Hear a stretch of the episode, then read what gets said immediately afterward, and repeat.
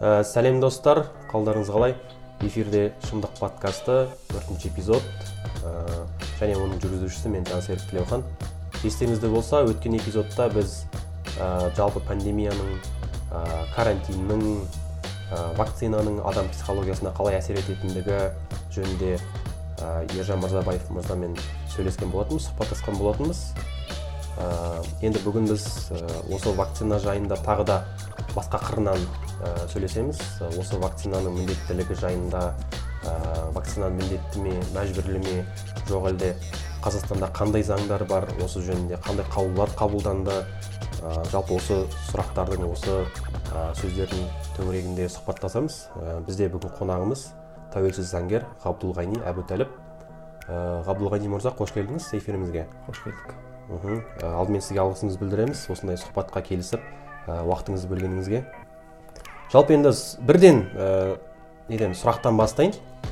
Қазақстанда осы ә, вакцина пайда болғалы бері ә, вакцина алып келгелі бері яғни міндетті немесе міндетті емес ә, немесе мәжбүрлі ойбай салу керек салмау керек деген сұрақ ә, жиі қойылып келеді. Әсіресе мемлекеттік қызметкер арасында ә, одан кейін жеке меншік кәсіпорындар арасында қызметкерлердің арасында. Ә, енді осы сұраққа сіз қалай ойлайсыз? Жалпы қазақстанда вакцина алу дәл қазір міндетті ме? Осыған байланысты қандай заңдар бар? Немесе қандай қаулылар қабылданды? Ә, негізі қазір дәл қазіргі сәтті қарайтын болсақ негізгі заң ретінде бір үлкен бір андай ә, мемлекеттік бір ә, жоғарғы күшке ие бір қатаң нәрсе әлі қабылданды деп айта алмаймыз. Өйткені мысалға біздің ә, бас санитарымыз мемлекеттің осы ә, берген қаулылар шығарады. Былай немесе үкімдер шығарады неше түрлі. И бірақ оның әр ә, әрқайсысын бір жеке бір заң ретінде айту ә, заң құқықтық тұрғыдан қарағанда бір ә, үлкен яғни бір азаматтық кодекстен немесе ә, әкімшілік кодекстен конституциядан жоғары нәрсе деп айта алмаймыз.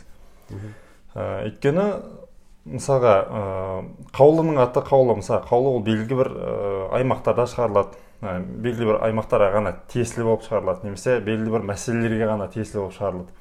Ал заңның аты өзі барлық мемлекеттің аймағында шекарасында барлық азаматтарға бірдей деген ә, негізде ә, жарияланып отырады. Мысалға біз айта аламыз конституцияның 29 бабында қарайтын болсақ ол жерде айтылады барлық қазақстан республикасының барлық азаматтары ә, денсаулықтарына андай денсаулықтарын қорғауға алуға кепілдікке алуға құқылы деген нәрсе айтылады. Бұл яғни бүкіл Қаза- қазақстанның азаматтарына тиесілі соларға қатысты ә, бір заңда ал ә, мысалға қазіргі осы бас санитардың шығарып жатқан қаулылары немесе немесе басқа да бір осыған ұқсас заң нормаларын қарайтын болсақ яғни бұл жерде қарау керек заң нормалары деп айтып жатырмыз өйткені заң емес заңның нормалары яғни бір белгілі бір ә, тармақтары деп айтсақ немесе белгілі бір ә, тұстары деп айтсақ дұрысырақ болатын шығар. Ә, ол мынандай белгілі бір ә, жаңағы аймақтардағы қызыл қазір зона дейді ғой красный зона дейді. Сол, сол жақтағыларға немесе жасыл аймақтағыларға бөлек деген сияқты. Ә, бір соларға ғана ә, күші жүретін немесе соларға бір міндетті деп айтқаным да дұрыс емес мәж, мәжбүрлі деген дұрысырақ шығар.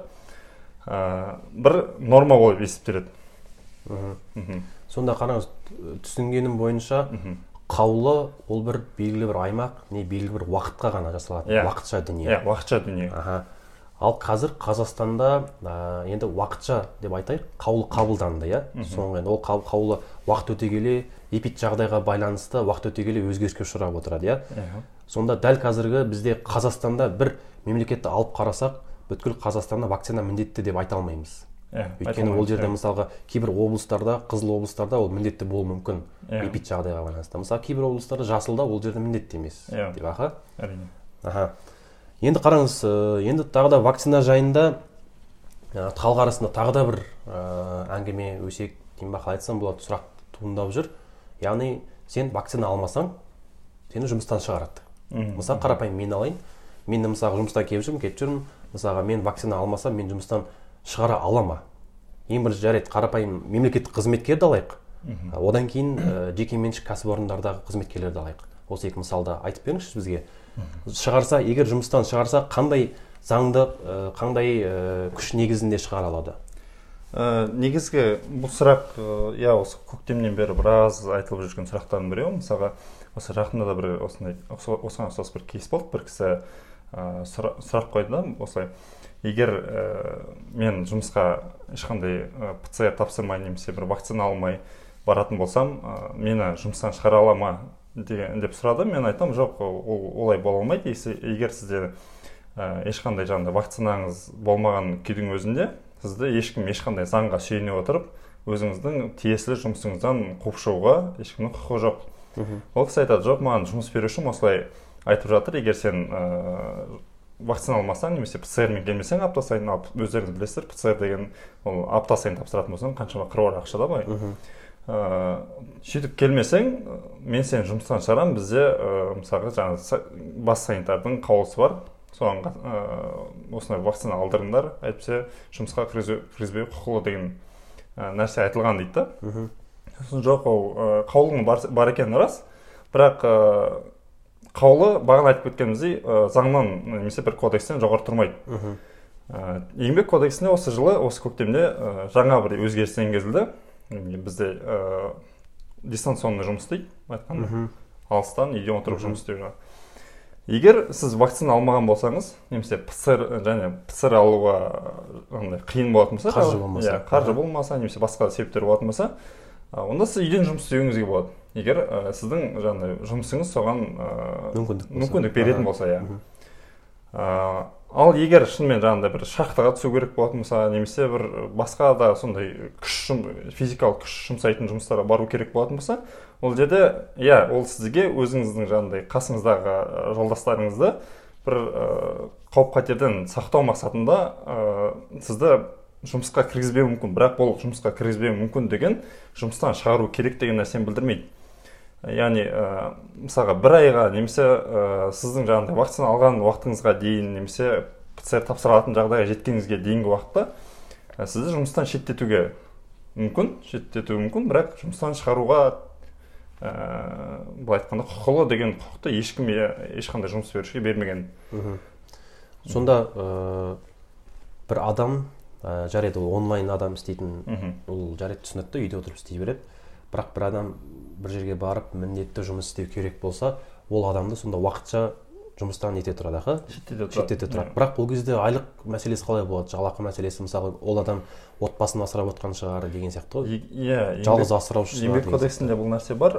Бірақ былай айтқанда бар болғанымен жеткілікті деп айта алмаймыз. Өйткені еңбек кодексінде қарастырылған нәрсе егер сіз шеттетілген болсаңыз жұмыстан сіздің мемлекет қойған айтқанда айлық орташа айлықтың көлемін сізге төлейді да. Мемлекет төлейді. Иә Аха. мемлекеттің жаңағы жұмыс беруші төлеу керек мемлекет емес. А жұмыс беруші. Жұмыс беруші төлеу керек.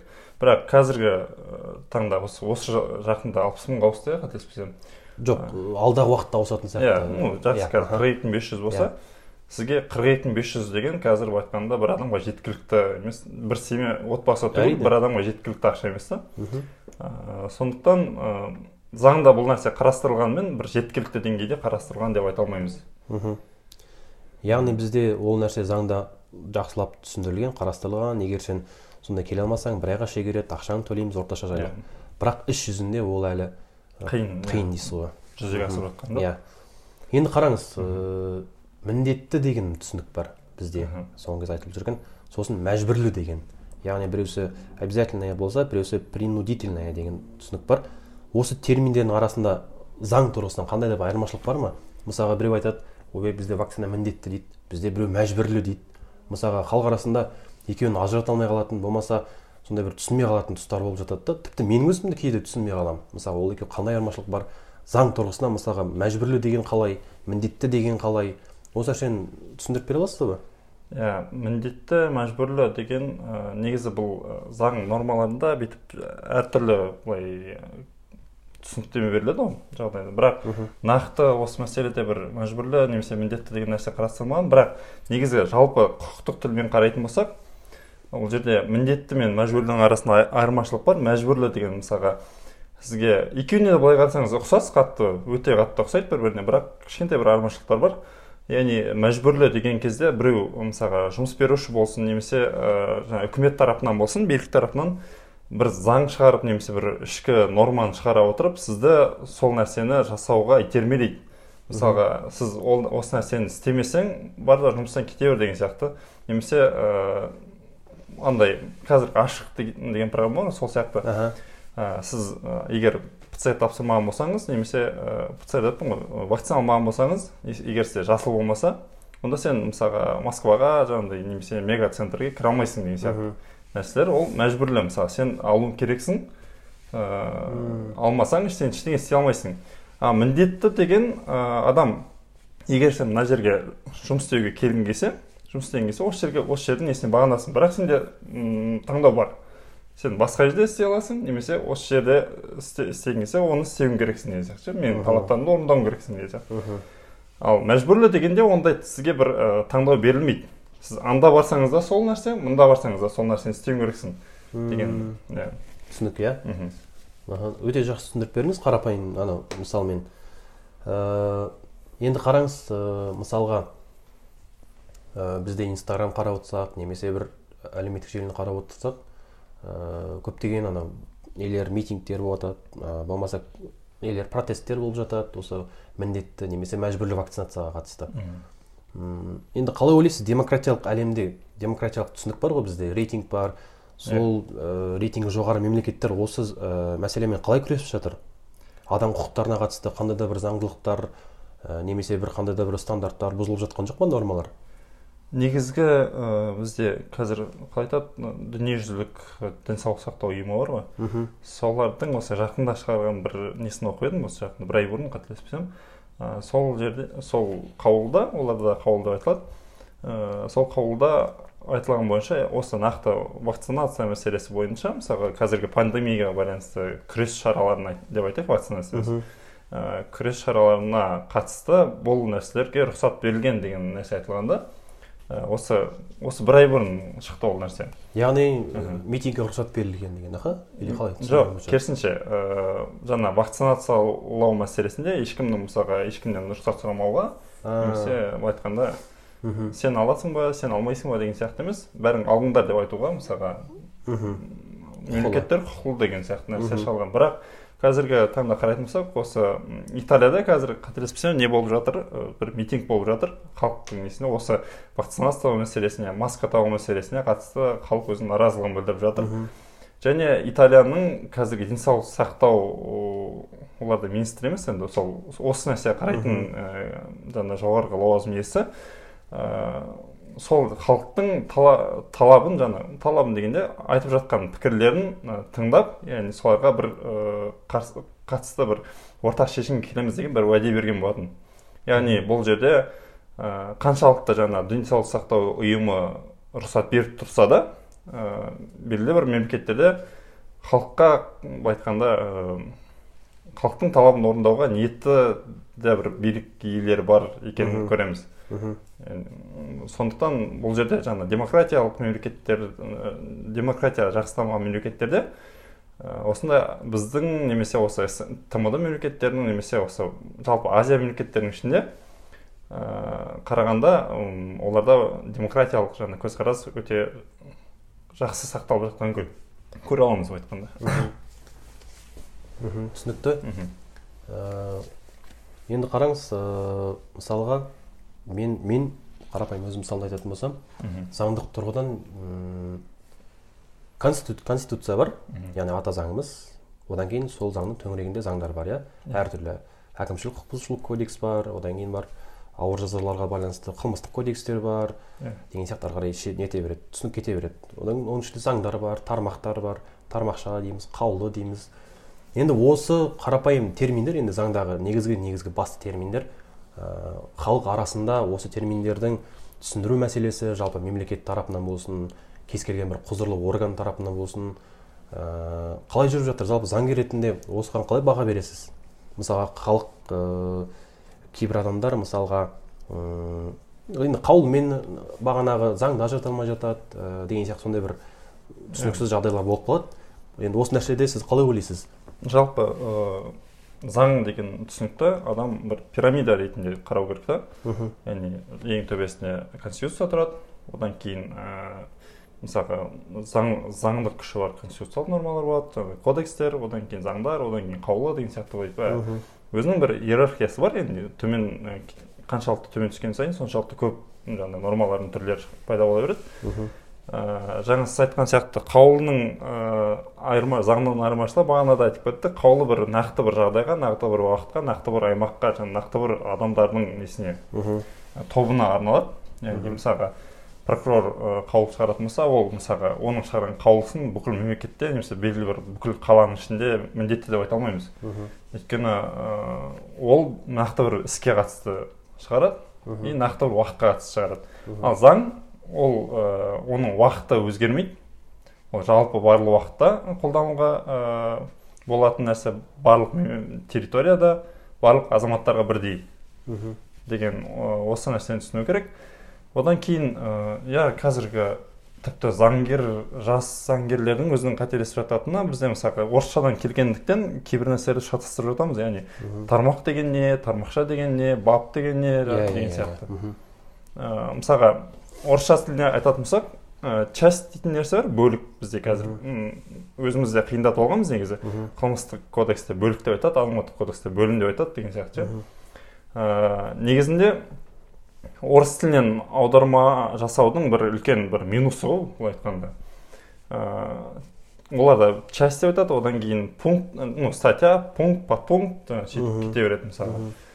Ал бізде соны қазақшаға аударма жасаймыз деп мысалы жаңа бөлім бөлімді мысалға тарау деп мысалға немесе бөлік деп жаңағы неше түрлі ә, вариантта шығарып жүрген нұсқаларды. Одан кейін бап баптан кейін тармақ тармақша тармақтан кейін тармақша.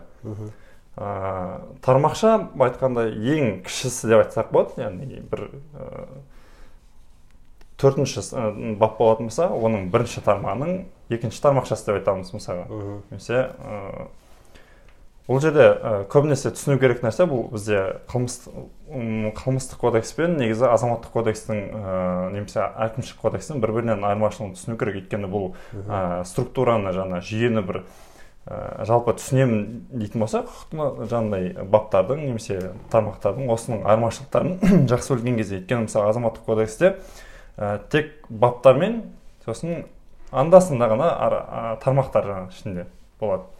Яғни азаматтық кодекс өйткені жалпылама бүкіл ә, мәселені қамтиды да ал қылмыстық кодекс ол нақты бір андай былай айтқанда жіңішке жолмен жүреді деп айтсақ болады. Мысалға сіз мына суды төгіп алдыңыз біреудің аяғына. Сіздің осы суды төгіп алғаныңыз үшін жаза мынадай деп айтады да. Ал азаматтық кодексте олай айтпайды сізде мысалға мысалға біреудің суын сатып алып сосын барып жаңағыдай өзің не істесең оны білесің деген сияқты нәрсені айтады да просто ол суға қатысты нәрсені айтады мхм. айтқанда. Ә, ал одан кейінгі жағдай не болады одан кейін қалай болады азаматтық кодекс ол нәрсені былай айтқанда алдын ала болжам жасай алмайды. Ә, сондықтан бізде осы ә, тармақ деген нәрсе тармақша деген нәрсе қылмыстық кодекске негізделген ә, нақты бір нәрсені нақтылаушы одан сайын нақтылау үшін ә, келген нәрсе деп түсінсек болады. Мхм. Енді бағана өзіңіз айтып кеттіңіз орысшадан аударғанда былай қазақшада былай деп. Иә. бізде жалпы осы ә, заң мәселесінде ә, жалпы конституция болсын кез келген болсын ә, аудармада проблема бар иә Иә. бізде заңда. Енді осы проблеманы қалай шешуге болады? Мысалға бізде қараңыз мынадай жүйемен жұмыс жасайды бір заң қабылдау керек болады бір жаңа бір заңды сол заң бірінші орысша шығады. Иә оны бірінші талқылайды одан кейін депутаттар талқылайды талқысына түседі ең соңында ақыры президент қол қойып соның заң заңды күшіне енгізеді. Иә. күшіне енгізгеннен кейін барып қазақшаға аударыла ма? Әлде оған дейін барып қазақшаға аударылмады нете ма? Осы осы жағдай осы процесс жалпы бізде проблема бар да әлі күнге дейін. Енді осы жөнінде сіз қалай не нәрсе ұсынар едіңіз? Қалай ойлайсыз не істеуге болады? заң шығарылған кезде екі тілде бір, бірдей бір уақытта шығады ғой. Бірақ ә, сіз айтқандай негізгі ең бірінші жобасы заң орыс тілінде қабылданады көбінесе. Мысалға мынадай заң шығарамыз деген болса оның орысша нұсқасы бірінші шығады сосын барып қазақшасы шығады содан кейін барып қол қойылып жар- жарияланады да былай. Ал негізгі басты проблема бұл өзіміздің жаңағы азаматтардың немесе біріншіден бұл біздің азаматтардың осы заң шығару процесінде белсенділік таныта алмауында яғни мысалға бір заң шығарады деген сыбыс шыққан кезде біз андай былай айтқанда фейсбукта немесе инстаграмда бір пост жариялаймыз жаңағыдай сторис саламыз бірдеңе саламыз сонымен бітеді. Ары қарай одан кейін талап етіп біз жаңағыдай біздің мүшелеріміз сол жаңа комиссияның ішіне кіру керек деген сияқты талаптар қоя алмайды мысалы айтқанда ше. Ыыы сіз мысалға өзіңіздің кандидатураңызды ұсынсаңыз андай бір пессимистік немен қараймыз да мысалға иә олар өздері шешіп қойған деген сияқты олар өздері қарайды біздің ештеңе шеше алмаймыз деген сияқты немен қарайды көп азаматтар. Жалпы бұл түсінікті ең үлкен бір проблемалардың біреуі яғни бұл пессимистік түсінік. Ә, жалпы қандай заң нормасы қабылдансын ол жақсы болсын ол жаман болсын азаматтар сол нәрсеге өзінің бір кішкентай үлесін қосу керек. Екінші мәселе ә, бұл заңды шығарған кезде бағанағы біз айтқан сияқты орыс тілінде емес бірінші қазақ тілінде шығаруды үйрену керек. Ол кішкене заңдар үлкен заңдар болмаса да кішкене кішкене заңдардан ә, мысалы аймақтық заңдардан ә, соттық үкімдерден ә, қаулылардан бағанағы сияқты нәрселерден қазақша бірінші қазақша нұсқасын шығарып үйрену керек. Содан кейін адам ә, мысалға бір нәрсені жасай беріп жасай беріп үйреніп кетеді ғой. Содан кейін адам бір нәрсені тәжірибеден өткізіп өткізіп өзінің қателерін көре бастайды. Қай жерде не дұрыс емес не қалай болмай жатыр деген сияқты. Содан кейін бұл бір тәжірибемен келетін нәрсе мысалы орыс тілінің өзінде заң шығару норма ә, жүйесі былай айтқанда аспаннан түсе салған жоқ. Олар да біраз уақыт осыны тәжірибеден өткізді жасады. Қазір былай айтқанда біздің өзімізде осы қазақ болсын басқа ұлттар болсын осы орыс тілі бір элитный дейді ғой айтқанда люкс тіл сияқты болып көрініп тұрады да. Олар ол ол нәрсе бір үлкен бір тәжірибе өткеннен кейін келген нәрсе. Қазақ қазақ тілінде ә, сол бір этаптан өтуі тиіс деп ойлаймын. Яғни ә, заңдарды бірінші қазақ тіліне сосын барып орыс тіліне аударған дұрысырақ. Енді тақырыбымыздан көп ауытқымай ақ қояйық біздің негізі тақырыбымыз вакцинация міндетті вакцинация жайында. Ыыы мысалға бір адам ә, жұмыс істеп жүрді істеп жүрді ә, и жұмыс орны оған ә, белгілі бір осы қаулыға сай немесе бір осы нені негізге ала отырып бағана шығарылған. Ол адамды жұмыстан шығарды. Мысалы ол адам келіп жүрді аяқ астынан сондай естіді. Вакцинация алмады. Яғни вакцина алу алмау ол адамның өз таңдау еркінде. Иә түсінгенім бойынша яғни ол жерде еркін бұзылмайды. оған барып күштеп сала алмайды да былайша айтқан кезде. бірақ ол адам бір жақсы қызметкерлердің бірі қанша жылдық еңбегі бар өтілі бар деген сияқты. сонда ол адам не істей алады өз сіздің ойыңызша? қандай бір енді осы жағы қалай болып жатыр? мысалы вакцинация салу оны міндеттеу оны жаппай белгілі бір жерде қабылдайды кейбір жерде қабылдамайды. ол жай кішкене түсінікті болды. енді оны басқа тараптан қарастырайық. мына тарапқа байланысты қандай да бір ә, заң тұрғысынан мүмкіндіктер берді ма? бір адамды жұмыстан қуып жіберген кезде ол адам заң тұрғысынан не істей алады? Осы жақында осы жаздың күнінің басты кезінде бір оқиға болды осындай мен қай жерде екенін айтпай ақ қояйын ол жерді бірақ өзім жеке куә болған нәрсе. Бұл бір кісіні жұмыстан шығарып жіберген былай айтқанда ол кісінің он жылдық сол жұмыс орнында бір өтілі болған. Бірақ осы вакцина алудан ол кісі өзі енді ол кезде бір сондай бір хаос болады вакцина алсақ ертең не, не болады деген сияқты күмәнмен қарап деген сияқты адамдар. И ол кісі сондай бір күмәнға беріліп вакцина алудан бас тартқан. Вакцина алмаймын деп арыз жазғаны үшін оған бір ескертпе ештеңе берместен сен онда жұмыстан кеттің деп ондай он жылдық өтіліне де қарамаған айтқанда бара бердік босатып жіберген жұмыстан. Ол кісі біраз жүрген бір айдай уақыт ә, келген жаңағыдай қайтадан жұмысқа кіруге тырысқан ә, сөйлесуге тырысқан жаңағы бастықтармен бірақ қайтып алмаған да. Сосын ол кісі адвокатқа жүгінген. Осы мен осы осындай мәселем туындап отыр.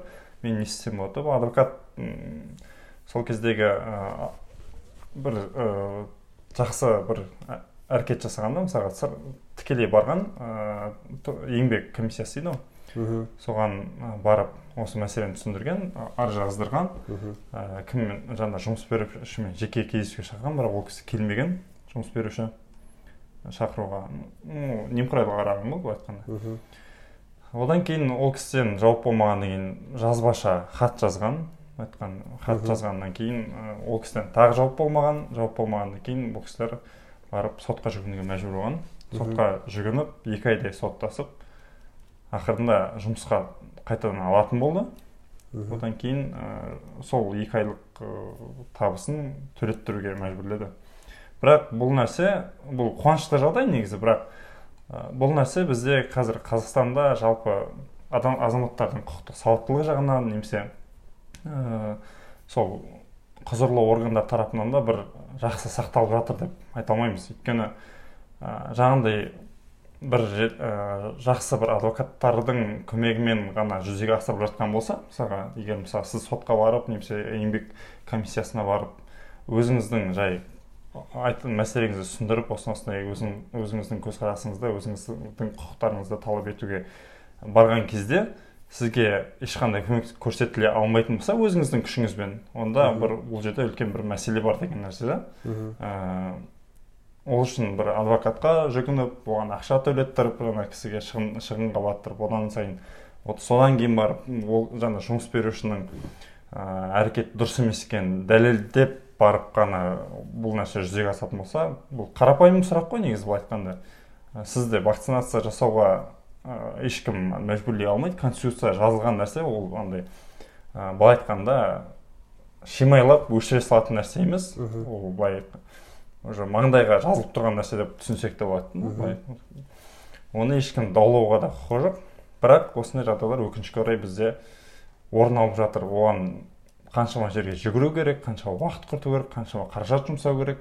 Содан кейін барып сіздің құқықтарыңызды мүмкін орнына қайтадан қалпына келтіреді деген сияқты. Бірақ оның өзі де бір үлкен күмәнмен қарайтын нәрсе болып тұр қазір. Енді қараңыз бағана ашық қосымшасы жайлы айттыңыз. Енді ашық ашық қосымшасында бізде ә, белгілі бір ә, дискриминация байқалмай ма? Мысалы қараңызшы екеуміз барамыз ә, бір жерге қонаққа. Қонақасына білмеймін ресторанға болсын кез келген жерге болсын достарыңызбен кездесуге. Ә, сөйтеміз сіз кіресіз мен кірмей қалдым. Бұл жерде мысалға жарайды кез келген бір адамдар барған кезде ол жерде мүмкін бір жұмыс жұмысқа байланысты бір кездесу болсын да сол жерге барған кезде біреу кіріп біреу кірмей қалды. Енді адамның бағанағы таңдау құқығын таңдау еркіндігін сондай бір қарапайым бір қосымшаға байлап қойып ә, сондай бір дискриминация дискриминация жасау демей ақ қояйын енді бірақ сондай бір ұшыраған қаншалықты дұрыс соны ашық, ашық қосымшасынан сондай алалаушылық байқай, байқай аламыз ба? Негізі байқай аламыз өйткені мысалға қараңыз ә, мен бір нәрсені айтайын. Шетелдік келген кісілер мысалға ғой мысалы айтып отқан шетелден келген кісілер ашықтың не екенін білмейтін мысалға. Олар оны ешқашан қолданып көрмеген олар қолдана алмайды да өйткені олар мысалға ашыққа кіру үшін сіз жеке жсн дейді ғой. Жеке номеріңізді жазуыңыз керек ал шетелдіктер ондай неге жоқ бұл бірінші мәселе. Иә иә сол ғой сол. Иә. Олар тіркеле алмайды и сәйкесінше олар ешқайда кіре алмайды деген түсінік пайда болады да. Онда бізге шетелдіктер не үшін келеді деген сияқты сол ғой. Одан кейін бұл шетелдіктер жақсы өзіміздің азаматтарды айтатын болсақ ә, жаңағы вакцина алуға мысалға аллергиясы ұстайтын адамдар бар. Мхм. Немесе денсаулығы ондай көтере алмайтын адамдар бар мысалы әрине әрине. Олар да бірақ мысалға қарапайым дәріханаға кіру керек қарапайым магазинге кіру керек нан алу керек деген сияқты. Қарапайым күнделікті нәрселерді жасау керек. Бірақ олардың денсаулығы соған сәйкес келмеген үшін олар вакцина ала алмайтын болса және вакцина алмаған үшін олар ашық қолдана алмайтын болса иә. бұл бір үлкен ә, дискриминация деп айта аламыз. Өйткені бұл ана кісілердің күнделікті өмір сүруіне кедергі келтіріп отырған бір ә, қосымша болып табылады. Екіншіден бұл қосымшаны былай айтқанда ә, бір керемет идеал қосымша деп те айта алмаймыз. Өйткені мынау қызыл ә, недегі статустағы адам мынау жасыл статустағы адам деп бөліп көрсеткенімен ә, оны былай айтқанда алдап соғуға болатын жерлер де бар. Мысалға скриншот жасап алады біреулер біреулер андай видеоның былай айтқанда запись дейді ғой. Иә иә иә. Сонысын жасап алып жүре береді да. Ондайға біраз куә болдық. Бірақ анда ол жерде күзетші кісінің не оған бір несі болмайды айтқандай полномочия дейді ғой оны тоқтатуға жоқ сен жаңағыдай мен сені жаңағыдай полиция шақырамын не деп отыруға ешкімнің уақыты да жоқ. Айтқанда артынан қуалап та жүрмейді оны деген сияқты. И ә, сондықтан бұл бір керемет идеал қосымша болмағанымен қоса бұл дискриминация да жасайды бұл қосымша бір жағынан бір жағынан жаңағындай ә, ненің да потенциалды бір қауіп қатердің де алдын алмайды да. Түсінгенім бойынша бүгін мысалға жаңалықтардан өздеріңіз көрген болсаңыздар қарағандыда бір кісіні бір әйел кісінің несі шығып жатыр? Ыыы қызыл статус деп көрсеткен ашықта. Бірақ ол сол кісі сол күні таңертең пцр тапсырған кезде пцр жақсы нәтиже берген. Сол үшін қызыл статус ашықта көрсеткен үшін ол кісі барды да штраф төлеп жүр деген сияқты.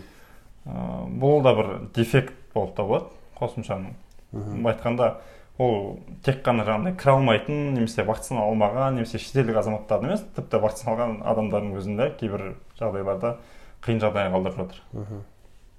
М, дис- дискриминация жан жақтан келіп жатыр бұл бір қосымшаның арқасында. Яғни ыыы, қандай да бір жағын алып қарасақ та бір алалаушылық байқалады дейсіз ғой. Иә. Мхм. енді қараңыз міндетті немесе мәжбүрлі вакцинаға қатысты бір халықаралық заңдар немесе нормалар немесе стандарттар бар ма қарастырылған? Енді вакцинация ол бүгін кеше ғана пайда болған жоқ қой шыны керек. Баяғыдан бері осы жиырмасыншы ғасырда әрбір ауру- ауруларға қатысты вакцинация вакцина бар иә? Енді осындай бір ә, дүниенің болады ау деп алдын ала жасап қойған бір нормалар стандарттар бар ма? Халықаралық ә, заңда болсын немесе халықаралық бір кез келген бір ә, ұйымдардың бір немесе бір органдардың ә, стандарттары жазылған бір дүниелер бар ма? Негізі осы былтырғы уақыт екі мың он тоғызда басталды негізі бұл коронавирустың өзі. Сол уақытқа дейін дүниежүзілік бір пандемия яғни эпидемия емес бұл жерде пандемияға қатысты бір барлығы осындай пандемия пайда болған кезде өйстіп істеу керек деген бір заң нормасы болмаған. Жалпы не болды? Бала құқықтары немесе баланың жаңағыдай денсаулығы туралы бір конвенциялар солар болды негізі андай бала туылған кезде андай салдырады бізде вакцина. Сон, сондай қатысты европада болды жалпы еуропаға қатысты евроодақтың ішінде мемлекеттерге қатысты. Немесе осы ы, белгілі бір мемлекеттердің қауымдастықтарына қатысты бір сондай нормалар болды. Бірақ жалпы осы уақытқа дейін бір ы, пандемияға қатысты нақты бір эпидемия емес былай айтқанда бұған бұл осы уақытқа дейін қаншама эпидемия болды. Бірақ нақты пандемияға қатысты деп бір заң шыққанын не оқыған не естіген емеспін айтқанда. Ешқандай жерден. Ыыы осы 2019-дан бастап осы дүниежүзілік денсаулық сақтау ұйымы осы мәселені қарастыра бастады. Ертең мысалы бұдан кейін мысалға қазір байқап отқанымыздай коронавирустан кейін дельта штамм деген шығып жатыр. Қазір мысалы индонезиядан тағы бірдеңе шығып жатыр ана индиядан тағы бірдеңе шығып жатыр деген сияқты. Осы жағдайлардың алдын алу үшін былтыр ыыы дүниежүзілік денсаулық сақтау ұйымы ыыы жалпы вирустық ы, мәселелерге қатысты алғашқы рет бір үлкен ы, нормаларды қабылдауға шешім қабылдаған еді. Ә, қазір ы, ол осы м, 21 жылдың қаңтарында қателеспесем ы, ол заңның несін дүниежүзілік вакцинациялау емес ол жерде атауын ұмытып отырмын қазір. Кейін есіме салсаңыз айт- айтып бере аламын. Неден соған қатысты денсаулық сақтау нормаларын қамтамасыз ету қателеспесем сон- сондай бір неде айтылады. Атау сондай болу керек. Жалпы вакцинациялаудан бөлек жаңа маска тағу болсын немесе сол кішкентай элементарный нәрселерден бастап үлкен ә, жаңағыдай проблемалардың алдын алу мәселелері қарастырылған болатын. Бірақ осы уақытқа дейін осы 21 жылдың жаңа басына дейін ондай бір үлкен дүниежүзін қамтитын бір вакцинацияға қатысты бір заң нормасы болды дегенді естіген емеспін. Естіген емес аха Ә, мысалға қараңыз ә, енді пандемия ол бізде қазір ғана емес қой. Бұрын мысалы Иә. мың тоғыз жүз жиырмасыншы жылда ә, испаниялық тұмау дей ма? Сондай бір Иә, да чума. болған иә. Мхм. Ә, сонда мүмкін емес ә, қазір жоқ ол жерде айырмашылық бар. Мен бағанадан бері пандемия мен эпидемияның айырмашылығын айтып отырғаным ол, сол ол пандемия емес эпидемия ма сонда? иә ол э- эпидемия мен пандемия дейтін екеуі екі түрлі түсінік. Ыыы заң нормасына қарайтын болсақ ол екеуі екі түрлі түсінік осыны айырып алу керек. Пандемия дейтін түсінік ә, негізі бұрыннан болды бірақ осы нақты коронавирусқа дейін ешқандай жерде қолданылмаған қолданылмаған. Эпидемия дейтін ол бір айтқанда үлкен аумақта болады рас. Мысалы испанияда болды жаңа францияға таралды италияға таралды деген сияқты. Бірақ ол дүниежүзілік деңгей масштабта болған жоқ. Иә мысалға кезінде 16 ғасырда еуропада андай тышқан обасы деген болды мысалға бүкіл еуропа таралып кеткен стамбулға дейін жеткен деген сияқты. Одан кейін ә, осы жиырмасыншы ғасырдың кезінде бірінші дүниежүзілік соғыстың кезінде пенициллин шыққанға дейін ә, үлкен бір ә, не оба түрі пайда болды. Сол пенициллиннің арқасында барып ол нәрсе алдын алған болатын. Ә, бұл нәрселердің бар, барлығы бірақ мысалға бір белгілі бір аймақтардың несінде болғаннан кейін мысалы еуропаның төңірегінде немесе латын америкасының төңірегінде деген сияқты болғаннан кейін ол эпидемия деп аталады. Яғни оларға бағана айтып кеткендей белгілі бір мемлекеттердің аймақтарында оған қатысты заң нормалар шықты. Иә мысалы женева конвенциясында бұл нәрсе қарастырылған болатын. Бірақ өздеріңіз білетіндей женева конвенциясына немесе жаңағыдай бағана балалардың денсаулық сақтау несіне қаулысы шығарылған конвенцияларда ол конвенцияларға барлық мемлекет қол қоймайды. Мысалға біреулеріне елу мемлекет қояды біреуіне жүз мемлекет болады. Бірақ нақты осы пандемияға келетін болсақ ол барлық мемлекетке міндетті. Яғни ол сіз қол қоясыз ба қол қоймайсыз ба ол сізге қарамайды сізге міндетті ол нәрсе. Егер сіз осы талапты орындамайтын болсаңыз сізге былай айтқанда санкциялар болады неше түрлі. Немесе неше түрлі шаралар қолданылады. Мен бағанадан бері сол пандемия деп айтып отқаным осы сонда мен түсінген бойынша ә, пандемияға қатысты халықаралық нормалар заңдар енді ғана қалыпты енді осы осы біздің коронавирустан кейін коронавирустан кейін аха. Аха осы нәрсені ажыратып алу керек екен негізі. Жалпы ғабдулғани мырза ә, сізге көп рахмет. Уақытыңызды бөліп ә, осынау бір терминдерді барлығын қарапайым тілмен түсінікті етіп жеткізгеніңізге ә, құрметті тыңдармандар құрметті достар ә, естеріңізге сала кетейік жобаны медианет халықаралық журналистика орталығы конрад аденауэр атындағы қордың қолдауымен жүзеге асыруда. Ә, бүгін бізде төртінші эпизод болған. Жалпы вакцинация адам құқықтары жөнінде сөйлестік. Алдағы уақытта тағы да осы еліміздегі ә, басты тақырыптар төңірегінде ә, бір мамандармен сұхбаттасамыз. Ә, егер де алып қосарларыңыз болса ә, бізге фейсбук парақшамызға инстаграм парақшамызға болмаса ә, жекемізге жазсаңыздар болады. Ұсыныстарыңыз болса ә, келесі кездескенше аман сау болыңыздар.